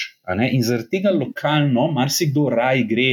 Pač do lokalnega introducing brokerja, ker bo dobil nekoga, ki govori v njegovem jeziku, mogoče bo dobil njegov pogled na situacijo. Pravno, formalno je pa njegov counterparty, ne, torej tisti, s komer dejansko posluje, je pa, je pa pač ta osnovna institucija, v tem primeru inter, uh, Interactive Broker. Tako da mogoče tukaj dobiš nekako najboljše iz obeh svetov. Introducing broker tudi ima ponavadi pravico dodatno povečevati stroške trgovanja, zaradi tega, ker pač nudi dodatne stvari. Mogoče bi se še dotaknila odpiranja računa. Pri nekaterih ponudnikih je to super enostavno. Določeni brokeri pa zahtevajo bistveno več uh, izpolnjene dokumentacije. Kaj nam v bistvu sam način odpiranja računa pove o borznem posredniku, pa še pojasnilo, finančni upravi ni potrebno prijaviti borzno-posredniškega računa, ki ga odpremo v tujini, potrebno je prijaviti le bančne račune, med katere sodi seveda tudi Revolut. Le, to, to je dobro vprašanje. Zanimivo mi je, si, eh, kako si formulirano vprašanje. Ne? Rekla si, kaj povete o brokerju. Moja prva reakcija je, ja, nič. Zaradi tega, ker te regulacija sili v to, da pobereš tisto, kar regulacija zahteva, da pobereš. Pa moja druga reakcija je pa, ja, ja, ja, ja, ja ampak v resnici ni res. Zaradi tega, ker, ker se je začelo dogajati, je to, da je tudi odpiranje računa postalo pač nek selling point oziroma nek faktor diverzifikacije med tem, kaj ti kot ustanova ponujaš. Zdaj pa kaj hočem s tem povedati? Regulacija je pred nekaj leti pač tudi od brokerjev začela zahtevati, da poberejo mnogo več stvari. Da jih prisiliš, da vse stranke prisiliš z nekimi vprašalniki, da nekako izmeriš stopno tveganja. Na podlagi stopne tveganja moraš morda odsvetovati uporabo kakšnih inštrumentov. Ti moraš potem kontinuirano te stvari preverjati na neki. Relativno pogosti časovnici, ne, torej vsako leto ali pa vsako tri leta. Uh, regulacija v zadnjih desetih letih je prisilila brokerje in banke, da so začele delati matriko tveganosti vseh držav. Torej, v bistvu, če naš primer povem, ti si odprl en tako ogromen. Uh, ogromen dokument, v katerem je pisal, kaj potrebuješ za podjetje iz Nigerije, ki želi odpreti račun pri nas, in kaj uh, potrebuješ od posameznika. In je to popolnoma drugače kot iz kakšne druge države. Torej, ti sortiraš države po neki stopni tveganosti. Za vsako od stopne tveganosti moraš predpisati, kakšno dokumentacijo potrebuješ. In v bistvu narediš neko tako gromozansko matriko, ki je v nekih točkah tudi precej geopolitična. Lahko. Primer je bil, ki so, zdaj bom pa težko se spomnil, da je to bilo 2016-2015, ko je prišlo do, do sankcij, do Rusije, kako smo mi bili prisiljeni v Evropski uniji popolnoma spremeniti način odpiranja za ruske rezidente. In izgubili enega posla, ker so ljudje enostavno niso bili pripravljeni čez tak postopek. Torej, da ne bom preveč dolg. Prvo, prvi element tega vprašanja je regulacija. In to, kar vidiš, ni nekaj, kar bi brokeri začeli komplicirati. Ni, ni v interesu, da tebe ubije pač zahtevki po tej dokumentaciji, ampak drugač ne more svojega posla legalno niti upravljati. Drugi element tega vprašanja je pa, okay, kako pa lahko potem to neko seamless izkušnjo vsem zagotovimo. Ali lahko naredimo odpiranje računa nadaljavo, ali lahko v različnih državah se povežemo na providerje, ki so se začeli v zadnjem desetletju pojavljati. Ti providerji pa omogočajo pač dostop do baz, do javnih podatkov in v bistvu na ta način že pred izpolnjene stvari dobiš, ali pa omogočaš ljudem odpiranje računa nadaljavo. In je začela se pač kar, kar močna bitka o tem, kako omogočati ta onboarding proces eh, na način, da je čim manj boleč. In tretji element, ki sem ga hotel povedati, je, praviloma se zatakne, vsaj pri srednje do velikih strankah, pri source of funds. v nekem momentu smo bili brokeri prisiljeni, kot marsikdo drug, seveda vse povezan z zadnjih deset let in z zakonodajo o, o preprečevanju pranja denarja in financiranju terorizma. Smo bili prisiljeni ljudje, praktično ljudi sleč dogajati. Zdaj sem tako malo grdo rekel, ampak dejansko smo mogli za zneske nad pač nekim torej za, za vse investicije, oziroma uh, želje po odpiranju računa nad določenim zneskom, aj to 100 tisoč, aj to 50 tisoč, je bilo odvisno od tiste prej omenjene matrike tveganosti držav. Mi smo mogli razumeti, odkje ima človek denar. In to je, bilo, to je šlo do take absurdnosti, da smo imeli eno stranko iz Ukrajine, ki je imela 115 milijonov dolarjev pri nas.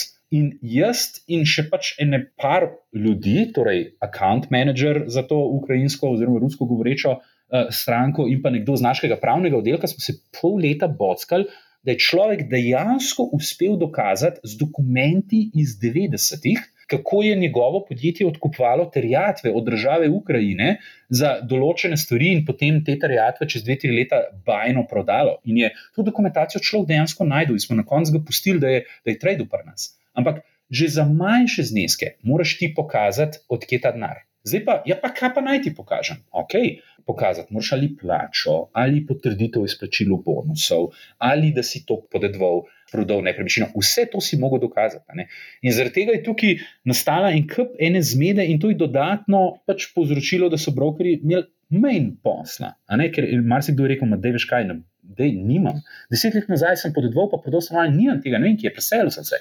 Ja, pa ti ne moramo omogočiti, da uporabljaš svoj račun. Ne? Tako da ta source of funds je tudi nekaj, kar dodatno pač fully obremenjuje te procese. Ne? Tako da to je pač neka nova realnost in, in definitivno ne bo šlo stran, ker pa se bo dogajalo, je pa to, da bo za tebe vse ta izkušnja lažja. Preko telefona uredimo vse, kar potrebujemo urediti. In v bistvu ta onboarding, spoznavanje, kdo pri tebi trade, je nekaj, kar je del uh, nove realnosti. Veš, kaj sem te hotel vprašati? Recimo, posredniki se zelo razlikujejo tudi po tem, kakšne informacije v bistvu zahtevajo od nas. Da nimo določeni zahtevajo izjave glede premoženskega stanja in izkušenj, spet drugi ne. Mene pa zanima, ali sploh kdo preverja resničnost teh informacij, ki jih dajemo ob prijavi. In kaj, če recimo se zlažem oziroma navedem napačne podatke? A ti povem po resnici. Ja. Lej, to noben ne preverja. Mislim, ker je ne mogoče to preverjati. Ti postaviš nek online vprašalnik in kot stranka obkrožiš, in seveda je tukaj zelo ena preprosta logika. Ne? Ti, glede na to, kako si klasificiran na koncu, ko ta vprašalnik narediš, imaš lahko zač, z, različne stopne zaščite, ali imaš pa lahko različno omejen, oziroma neomejen dostop do kakšnih inštrumentov. In v bistvu na tebi je, da, da, da greš čez to čez in se zavedaš posledic. Če boš ti klasificiran kot profesionalna stranka ali pa eligible counterparty, boš imel druge stopne zaščite, kot recimo, če si retail investor. In ti vprašalniki so tako narejeni, da jih pač nekdo odkluka, zabeležijo se v sistemu.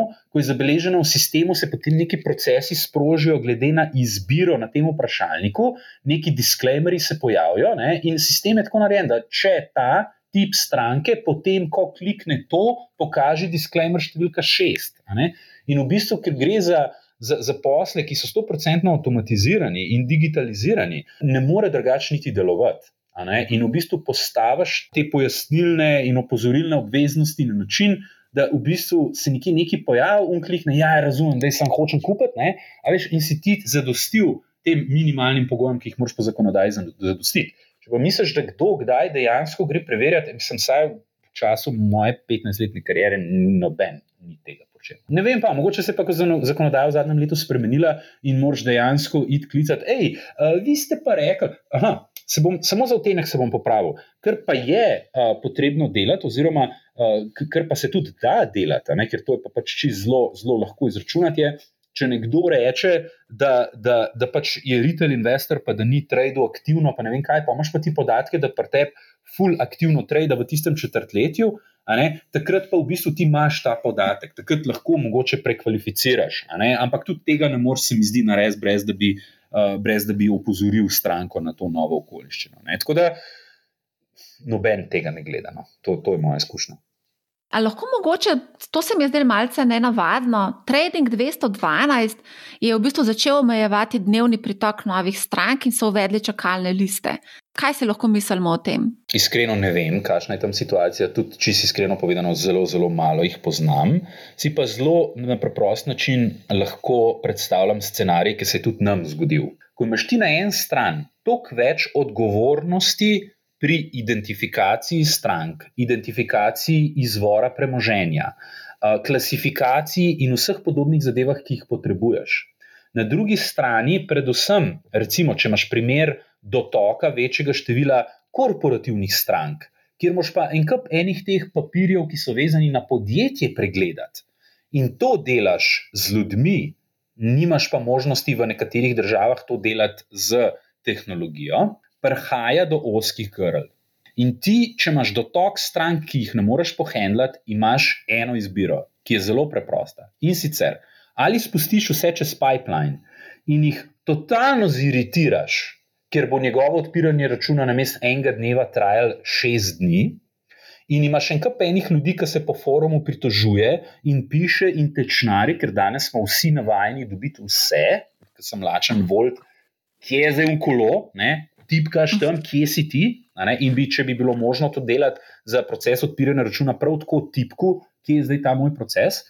Torej, ali jih sprašuješ v slabo voljo, da se ti to pol po Twitterju, pa po Redditu eh, pač pritožujejo nad tvojo storitvijo, ali pa rečeš, hej, jaz sem to kul, cool, jaz sem to popularna in ne sprejemam novih strank, zaradi tega, ker pač imam tako osko grlo eh, procesirane dokumentacije.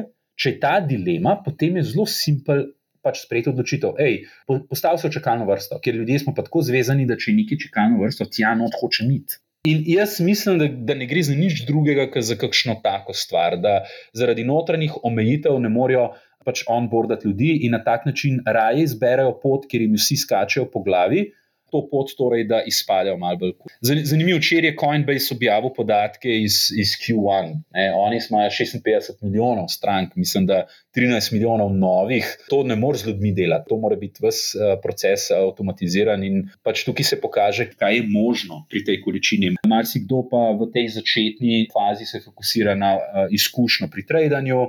Eh, na pogoje, na inštrumente in ta onboarding del zanemar, potem pa, če se mu zgodi naval, ne more tega pohendati. Ok, greva zdaj na cenike. Zdaj, ko greš gledati te cenike, se ti kar mal zvrti v glavi. Omenil si mi, da si sodeloval pri oblikovanju teh cenikov tudi sam. Kako se v bistvu znajdeš v cenikih brokerjev? Mislim, dobro vprašanje. Mislim, sej, načeloma ti moraš biti transparenten. Ne? Ti moraš pokazati, kaj za kaj izračunaš. Ne?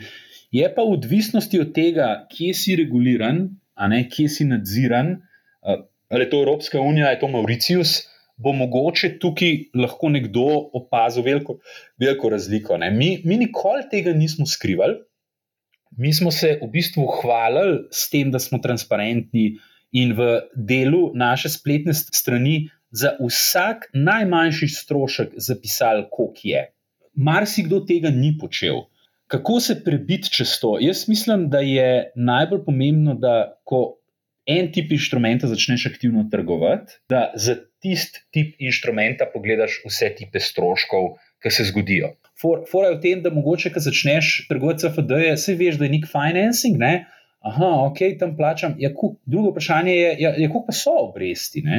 Ja, obresti so Euribor plus pribitek. Ja, koliko pa je pribitek? Je odvisno od uh, velikosti računa, gospod. Ja, ok, lahko za mene, za konkretno primer, poveš, koliko je pribitek. Ja, tole si lahko tam pogledate. Ne? Ok, pet pogleda. Ker če boš ti rolo eno pozicijo mesec, dva, tri, lahko, sicer zdaj so nizke obrestne mere, ne? ampak so te pribitki lahko taki, da zelo hiter, velik del svojega, svojega plusa pač vrneš brokerju, ki ti pač to financiranje ponuja. Druga stvar je, ok, jaz imam račun v evrih, naredil sem profit v dolarjih, ja, kaj se pa zgodi? Ja, konvertiramo vam ga, gospod, v valuto računa. Ok, pokajte na tečaju, ja, enkrat na dan zvečer to naredimo, gospod. Ok, je kakšen pribitek? Ja, je pol procenta, gospod. Aha, torej v bistvu svoj profit, ki sem ga naredil, ko se mi, ko se mi ta profit pač pretvori v valuto računa, tukaj mi še pol procenta vzamete od tega. Ja, ne govorim, da to vsi počnejo. Ne? Zdaj govorim o par primerov, za katere vem, da v industriji obstojajo, vsak naj pa pri svojem providerju malo pogleda. Ne? Tako da prva faza je, tisti, ki res tradaš, tisti spoznaj z vseh vidikov. Sploh, če greš na, na Forex, še karolaš, ki imaš te overnight charge, pa res poglej. Druga stvar, ki bi jo svetoval, je potem so tudi določeni splošni pogoji, oziroma pogoji, ki veljajo za račun. Ok, jaz sem tam 10 jurjev evrov, v kateri valuti, v dolarjih. Ok, a mi ponujate kaj obresti, če so ta sredstva nedotaknjena na računu. Ne? Ja, gospod, ponujamo, a, ampak imamo pač tudi neke pribitke oziroma odbitke. Ne? Ok, daj poglej, koliko to je. Če imaš recimo negativno stanje, kar se ti lahko zgodi, če trguješ z finančnim vzvodom, se lahko zgodi, da na računu ali pa na podračunu imaš negative cash balance, torej negativno stanje, denarno stanje. Ok, kakšne so pa tam obresti? Ja, vsak dan ti bomo nabili tok in tok. Tako da, kar hočem povedati, je tisti, ker trguješ se po zanimi, vpraši, zahtevi odgovor, ali pa vpraši ljudi vem, na kakšnih forumih ali kako koli, ki tudi to trgujejo, ki mogoče to malo bolj poznajo. Tukaj so vsi tisti načini, kako od nekoga, ki ni res velik in res aktiven, pobrati. Neki, da pač broker pokrije stroške s tem, da ima s tabo pač račun. Ne? Ker neke, neke stroške imaš, ne? ti imaš računalnike, ti imaš ljudi, ti imaš servere, ti imaš licence in pač či za vsako stvar, če ne drugega, za obveščanje, ko pride do nove zakonodaje, moraš stranko obveščati. Neki stroški so, in če ti nekdo ne, ne trguje, nekje moraš par evrov pobrati. Marsikdo, recimo, pa benti čez nadomestila za neaktivnost. To se je čisto na začetku že omenil, da je to v bistvu nek način pospeševanja prodaje oziroma aktiviranja vlagateljev. Ne, to te ne bo bankrotiralo, lahko ti pa, pač živce poje. Se, če pogledaš institucije, katero koli, tudi naši največji banki, kjer sem komitent, so mi kar nekega dne poslali zelo prijazno, sicer, zelo prijazno, v vi ste naša taka in taka stranka, mi, mi vas zdaj le flipnemo na nek gold, whatever, ne vem, sploh kakšen premium paket. Kjer boste imeli 13 transakcij, 13 položnic brezplačnih. Zato boste plačali sicer minimalne stroške mesečne vodenja računa v višini tok in tok. Ja, ok, kaj pa če dve položnici plačam? Ja, hočem reči, čisto vsaka ustanova išče nek prihodek od tudi neaktivnih računov. In v primeru trgovalnih računov je tukaj dvojni učinek. Prva je ta stabilnost prihodkov. Ker če vsaj ga ulupam za en evro na kvartal ali pa za deset evrov na kvartal, glede na to, koliko tisoč računov imam, pač imam, imam neko stabilnost prihodkov. In druga stvar je, prsilte, da vsaj en trade narediš. In tukaj ne gre za to, folk misli, ok, le bom naredil ta trade, to mi bo stalo pol evra, v resnici dosti manj kot inactivity fee. Ja, ok, ampak si mogel odpreti platformo, so ti tečaji zažmigali, si se spomnil, kako lepo je, ko si v plusu, pa da bom, ok, tole sem naredil, bom pa še en trade naredil. Ne? Tako tudi ta vidik je kontinuiranega vračanja tej vizualni, vizualni predstavitvi, kaj trgi so. Ne? Neki žmiga, neki se premika, neki je zelen, klej lahko kupam, sem da kliknem. Ne? Tako da že s tem te mogoče malo prsil, da ostaješ v stiku, pa da si aktiven. Večina tistih, ki se obrača na nas z vprašanji, pa praviloma v bistvu razpolaga z manjšimi zneski, recimo tam okrog 200 evrov, Večina seveda ima interes nakupovati delnice in ETF-e. Opazila pa sem, recimo, spoh pri mlajših um, vlagateljih, da v bistvu niti ne vedo, da jih provizija stane za nakup recimo evrskega ETF-a 4 evre na Ksetri preko Interactive Brokers ali pa CapTraderja. In kalkulacija smiselnosti naložbe se pri teh manjših zneskih lahko tudi zelo hitro spremeni. Mislim, jaz nimam veliko izkušenj z ekonomiko trgovanja z takimi zneski, če si iskren. Bi pa tukaj rekel nekaj drugega. Če gre za enkratnih 200, lej, vem, ali pet na eno hudo večerjo, ali pa ne vem, pet na ena proti 100 Forex Gamble, pa probi z tega tisoč narediti. Ne vem, ne vem, kva z 200 narediti. Mislim, tako ne, ne razumem, ne, ne, ne vem, kva lahko narediš. Če gre pa za kontinuirano vrčevanje, ne, to pa ful spoštujem. Če si ti zračunaš, kakšen je tvoj razpoložljivi dohodek, skupaj 200 evrov vsak mesec dam, to mi je blizu, to, to, to zelo podpiram. V tem primeru pač iščeš, za moje pojme, poišč nek ETF, ki ti da izpostavljenost na geografijo, v katero verjameš, ali je to Evropska unija, ali je to Amerika, ali je to Azija, ali pa v sektor, ki verjameš. In pač enostavno narediš ta trade. In pozabiš na stroške, fajn je vse, da izbereš nekoga, ki te ne bo na inactivity of you lupu ali pa ki te ne bo v lupu, mogoče na kakšnih ne vodenje računa in enostavno vsak mesec, ki preleti denar, narediš si trajni, gre tja, narediš trade. To je pa lahko čez sedem let velik denar. Moraš seveda paziti, da ti te umestni stroški ne požrejo preveč, ampak jaz mislim, da lahko najdeš providerje, za, za katere ti v bistvu ti ta odstotek teh stroškov, ki ti bojo pobrali, ne bo znatno vplival na dobrobiti, ki jih imaš ob takem rednem vrčevanju. Mogoče bi se v tem kontekstu dotaknila tudi frakcije delnice, frakcijsko trgovanje. Recimo, jaz sem eksperiment naredila in sem tudi kupila kar nekaj teh frakcij delnice in sicer kupila sem najdražje delnice na svetu. Poskušala sem tudi kupiti Berkshire Hathaway Class A od Buffeta, ki kotira danes pri 400 tisoč dolarjih, pa nisem mogla kupiti frakcije frakcije te delnice. Kakšno je tvoje mnenje o teh frakcijah delnic, oziroma so kakšne posebne provizije, na katere moramo biti pozorni? Tukaj bom pa težko, ki je preveč pameten. No? Gre za neko stvar, ki gre z roko v roki s tistim, kar so se prej pogovarjali. Ne? Če si ti provider, ki se fokusira eksplicitno na, ali pa v glavnini na, te, na to neko mlajšo generacijo, ki prihaja, ne? torej vse imam na telefonu, ker malo je gamification, vse skupaj potem veš, da ti ljudje nimajo kar 10 tisoč evrov, da ti dajo. So pa, veš, mogoče je to pa ne bi bil nesramen ali pa tako malo čuden, ampak mogoče je to zelo podoben sistem, kot tisti, ki imaš rojstni dan v McDonald'su, pa si pet let star, ali pa šest ali pa sedem. Veš, McDonald's otrokom ponuja tam prostor, zabavo, ne kaj, ampak povezuješ McDonald's z neko srečo, tudi z 12 greš v McDonald's, pač ni dogodek. Je. In potem tudi, seveda, ki si starš, pa rečeš, ajde, da se danes počasi v McDonald'su. Pustva v tem, je to zdravo, ne, ker to pa res eh, sedem novih podcastov. In mogoče je logika tukaj podobna. Ne, če ga ujamem zdaj, ki so, kva so že Gen Z, so ta novi, ki so mlajši od Milenico. A veš, ujamem ga zdaj, navaden ga na se, on je del moje infrastrukture uh, mojega ekosistema. Veš, čez pet let, če ga obdržim, bo pa to človek, ki ima službo, ki ima večje prihodke in bo potem pač rastel z manj. Ampak do takrat mu moram ponuditi pač nek exposure tudi za delnice, ki pa ena sama stane toliko, kot je v tem trenutku, pač nima, ni njegov portfelj to kvarat.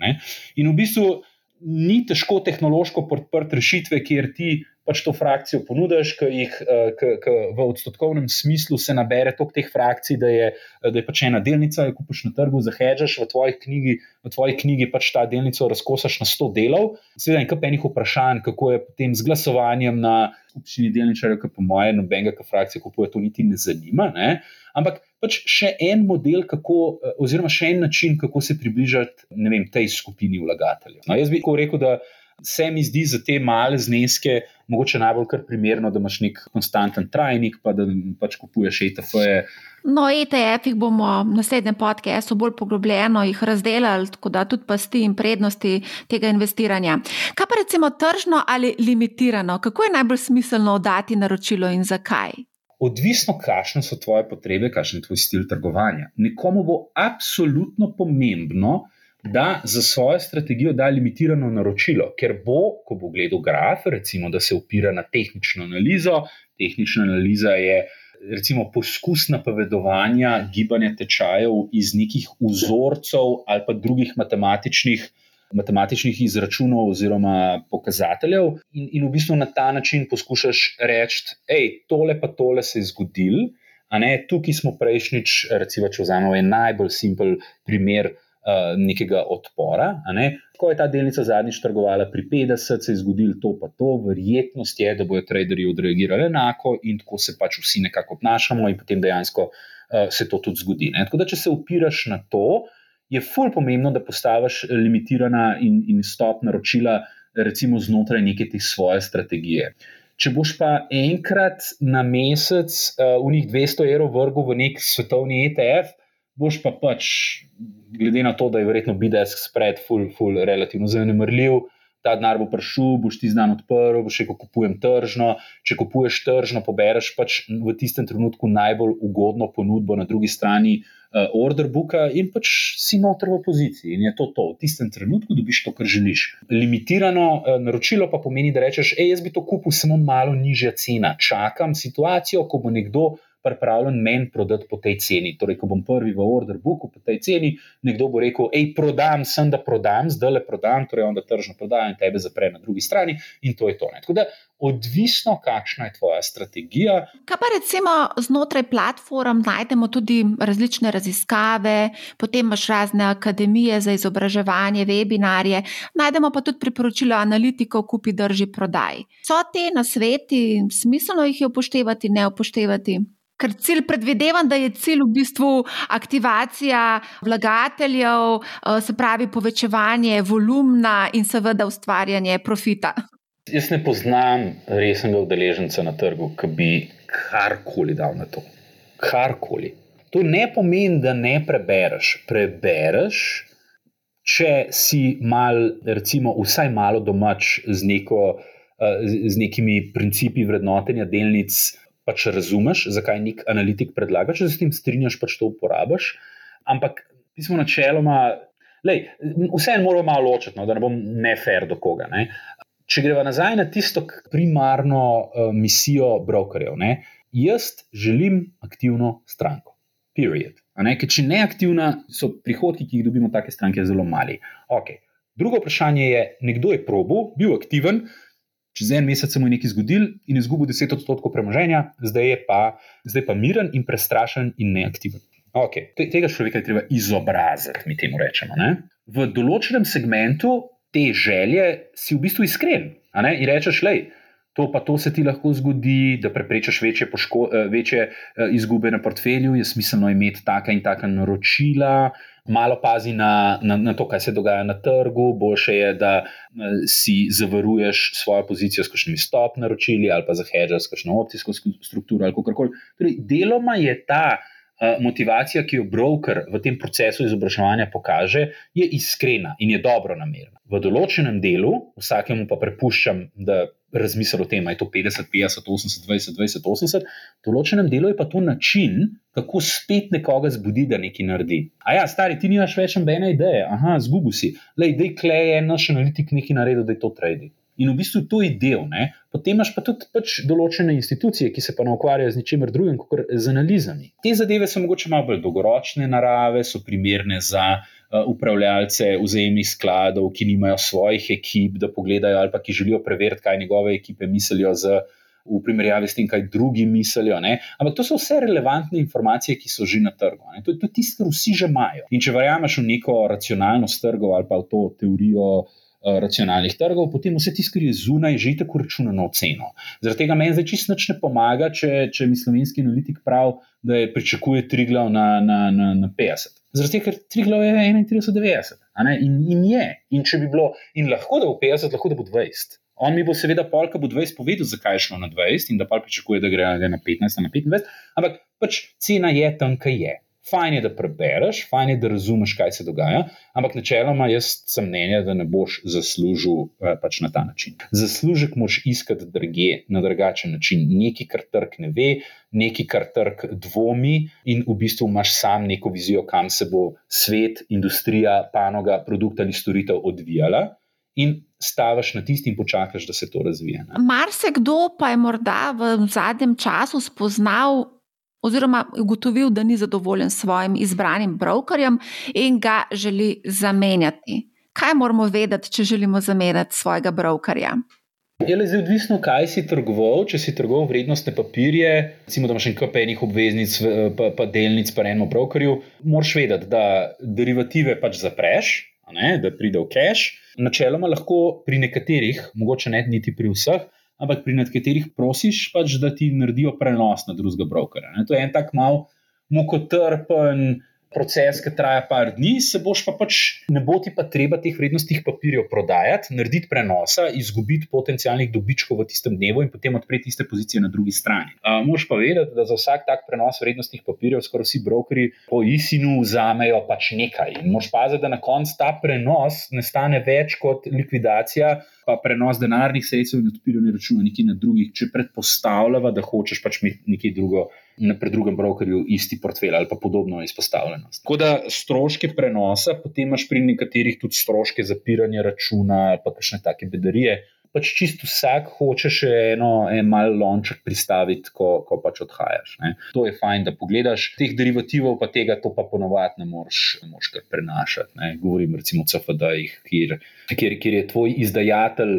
Eh, banka oziroma broker, pri katerem trguješ, ne, in ti ne moš kar nekaj drugega prenesti. Kako bi pa lahko, recimo, zdaj bi rada še nekako to ne umestila v ta podcast in sicer slovenske brokerje oziroma brokerje, ki delujejo pri nas na našem ozemlju. Zdi se mi, da vseeno eh, se večina mlajših oziroma večina trgovalcev odloča za tuje brokerje, predvsem zaradi cene, ker so cenovno bolj ugodni, tisti, ki želijo pa trgovati. Slovenskimi delnicami, pa se odločajo, oziroma nimajo druge izbire, kot da izberejo enega od brokerjev, ki deluje pri nas. Kaj bi lahko rekla tele, kako bi primerjali slovenske brokerje z brokerji v tujini? Jaz sem gledala cenike, če gledava kupovanje ETF-ov, delnic na recimo ameriškem trgu ali pa v Nemčiji, so kar evidentne razlike. Ma ja, mislim, ne bi bil rad nefer. Jaz, da so, jaz poznam veliko ljudi iz te industrije, pri nas mnogo je takih, ki sploh niso več aktivni, ker se ta trg kontinuirano krči. Ne, Mislim, ne, ne moreš verjeti, kako nevrjetno smešno je to, da pač, ko se s kom pogovarjaš v tujini, rečeš, da ima Ljubljanska borza en milijon prometa. Ne. To je tako milijon. Tako ljudi pač ne razumejo. Ne. In, in, in pač to je tako mali trg z vsemi uh, svojimi plusi in minusi. Uh, se pa ljudje pač trudijo, se, ne? tisti plejeri, ki so še ostali, pač poskušajo preživeti, poskušajo uh, inovirati svoje storitve.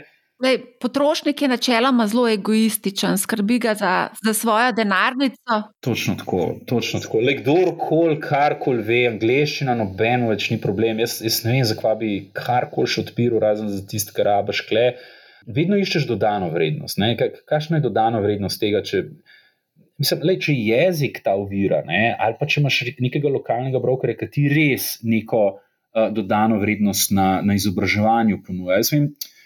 Časi so bili, kot jih zdaj doživljam, 15-20 let, čist drugačni. Mi smo z ekipo uh, Miha Dvoržek, Nikola Malkovič, Marko Jukič, to je bil moj brat, ki se nam je pridružil, Matjaš Košir. Tako, mi smo takrat, ko smo postavili Tradeport, to je bil Saxotova White Label platforma, ki je leta 2006-2007, se mi zdi, smo začeli ponujati. Ker naenkrat trgovanje na vseh teh trgih, na futuresi, eh, ljudem smo tako odprli vrata. Mi smo imeli čez dva meseca, ko smo lansirali ta produkt, praktično cel ATVP v kleti, kjer sem jim razlagal, kako delamo, kako, uh, kako te posle knjižimo, kaj. Ne? Mislim, tako to je bil excitement, to je bilo nekaj novega. Fantje, Nikola, Miha so izobrazili, verjetno neko traderjev, ki so se pol, verjetno tudi raztepali po drugih platformah. Ne? In to je bilo 15-20 let nazaj, Madonna. Ne? Zdaj tega enostavno jaz ne vidim, ne čutim. Noben se več s tem ne ukvarja, trg je mehen. Kdo je bil pomembna stranka, je verjetno končal kje drugje. Kakšni so se tudi pač ustrašili, ker tega posla tudi ne moreš voditi brez določenih tveganj. In se sploh nismo pogovarjali o tem, kaj se je zgodilo takrat, ko je švicarska banka umaknjena. Takrat, takrat smo mi naredili v 20 minutah 107 milijonov dolarjev izgube iz nič. Kaj mislim s tem? Naše stranke so naredile to izgubo in so nam bile ta denar dolžne, in od nekaterih smo se ta denar dobili, od nekaterih ne, ampak mi smo tisti, ki morajo to tveganje prevzeti. Zaradi tega tudi finančna institucija mora biti ustrezno kapitalsko ustrezna.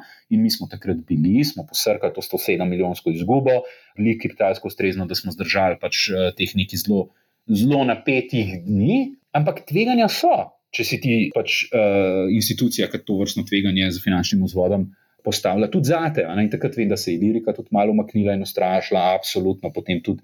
Alta, ki je pač bila neka naslednica združenih poteze medvešek Pušnika in, in publikuma, in pač to ni za vsega, trg pa premehen, da bi in živel lepo od tega in pokrival te neke scenarije črnih labodov, ki se enkrat na deset let lahko zgodijo. Tako da tega jaz tukaj zdaj več ne zasledim. Misliti, da ti lahko tehnološko tekmuješ, brez kakšnih partnerstv, z vsemi temi poslovnimi modeli, ki se pojavljajo, je pa iluzorna. Iz Slovenije tega ne moreš, absolutno ne moreš. Ne? Tako da kar ostane, je neka industrija.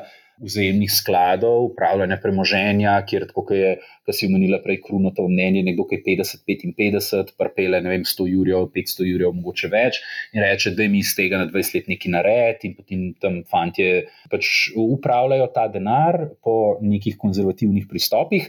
Verjetno priložnost za to vrstni posel bo za neko aktivno trading, borzno posredovanje, aktivno novi produkti. To pa se mi zdi malo menj, no? ker, ker je ta tekma postala tako uh, napeta, tako smo navajeni vse delati preko mobilnih aplikacij, da vem, se mi zdi, da bo kle zelo težek kruh za tiste, ki bojo šel v borzno, striktno samo borzno posredovanje v Sloveniji ostali. Ok, mislim, da sva več ali manj vse povedala o trgovalnih platformah, ali je morda še kaj, kar bi izpostavil? Mogoče kak pameten nasvet za tiste, ki danes oziroma zdaj hočejo vstopiti na, na, ta, na kapitalske trge. Po mojem, nič, kar, kar ne bi že prej povedal. Razmisli pri sebi, zakaj to delaš. Če tega denarja ni, kako bo to vplivalo na tvoje življenje. Opazuj, uč se, uh, zdaj se je tako easy povezati v različne uh, uh, Reddit grupe, ne vem, en kup enih teh chat aplikacij, kjer so isti misleči združujejo. Uh, videli smo, kaj se je naredil z, z, z GameStopom. Tako, pač pejt z nekim, z nekim takim pozitivnim odnosom, pri čemer se moraš pač zavedati tudi tvegan, to res je tak, en tak lep svet. Ne? Tako da ne vem, vse, kar sem povedal, po moje, ne vem, sem povedal. No. Ja, si povedal, zelo veliko si povedal. In na začetku si tudi rekel, da želiš dati nazaj nekaj družbi, in mislim, da si z odgovori pomaga marsikateremu vlagatelju. Tako da, Toni Jukič, najlepša hvala. Ej, ful ti hvala za povabilo tudi v moj uh, prvi podcast, ker velikih poslušam. Tako da upam, upam, da bo za koga zanimiv. Pa hvala še enkrat, da smo povabili. Hvala tebi, lepo se maj. Enako, čau, čau. Veliko informacij smo slišali, in preden pošljemo svoj denar na kapitalske trge preko brokerjev, je potrebno opraviti domačo nalogo. Če tega interesa nimate, pa vseeno lahko vstopite na kapitalske trge preko vzajemnih skladov, kjer upravljalec premoženja izbira naložbe na mesto vas, zato pa seveda tudi plačate. Morda še to. Borza ni rezervirana zgolj za moške. Rada bi spodbudila tudi ženske, da investirajo na kapitalske trge. Ženske imajo ponovadi drugačen stil investiranja od moških praviloma tudi manj tvegajo.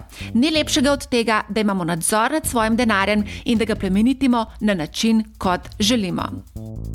Sedaj pa še pregled trgovalnih platform. Med slovenci so najbolj priljubljene trgovalne platforme, kot so Trading 212, Interactive Brokers, IG Index, eToro in partnerska podjetja, predvsem Interactive Brokers, kot so CapTrader, OptimTrader, TradeStation Global in tako dalje.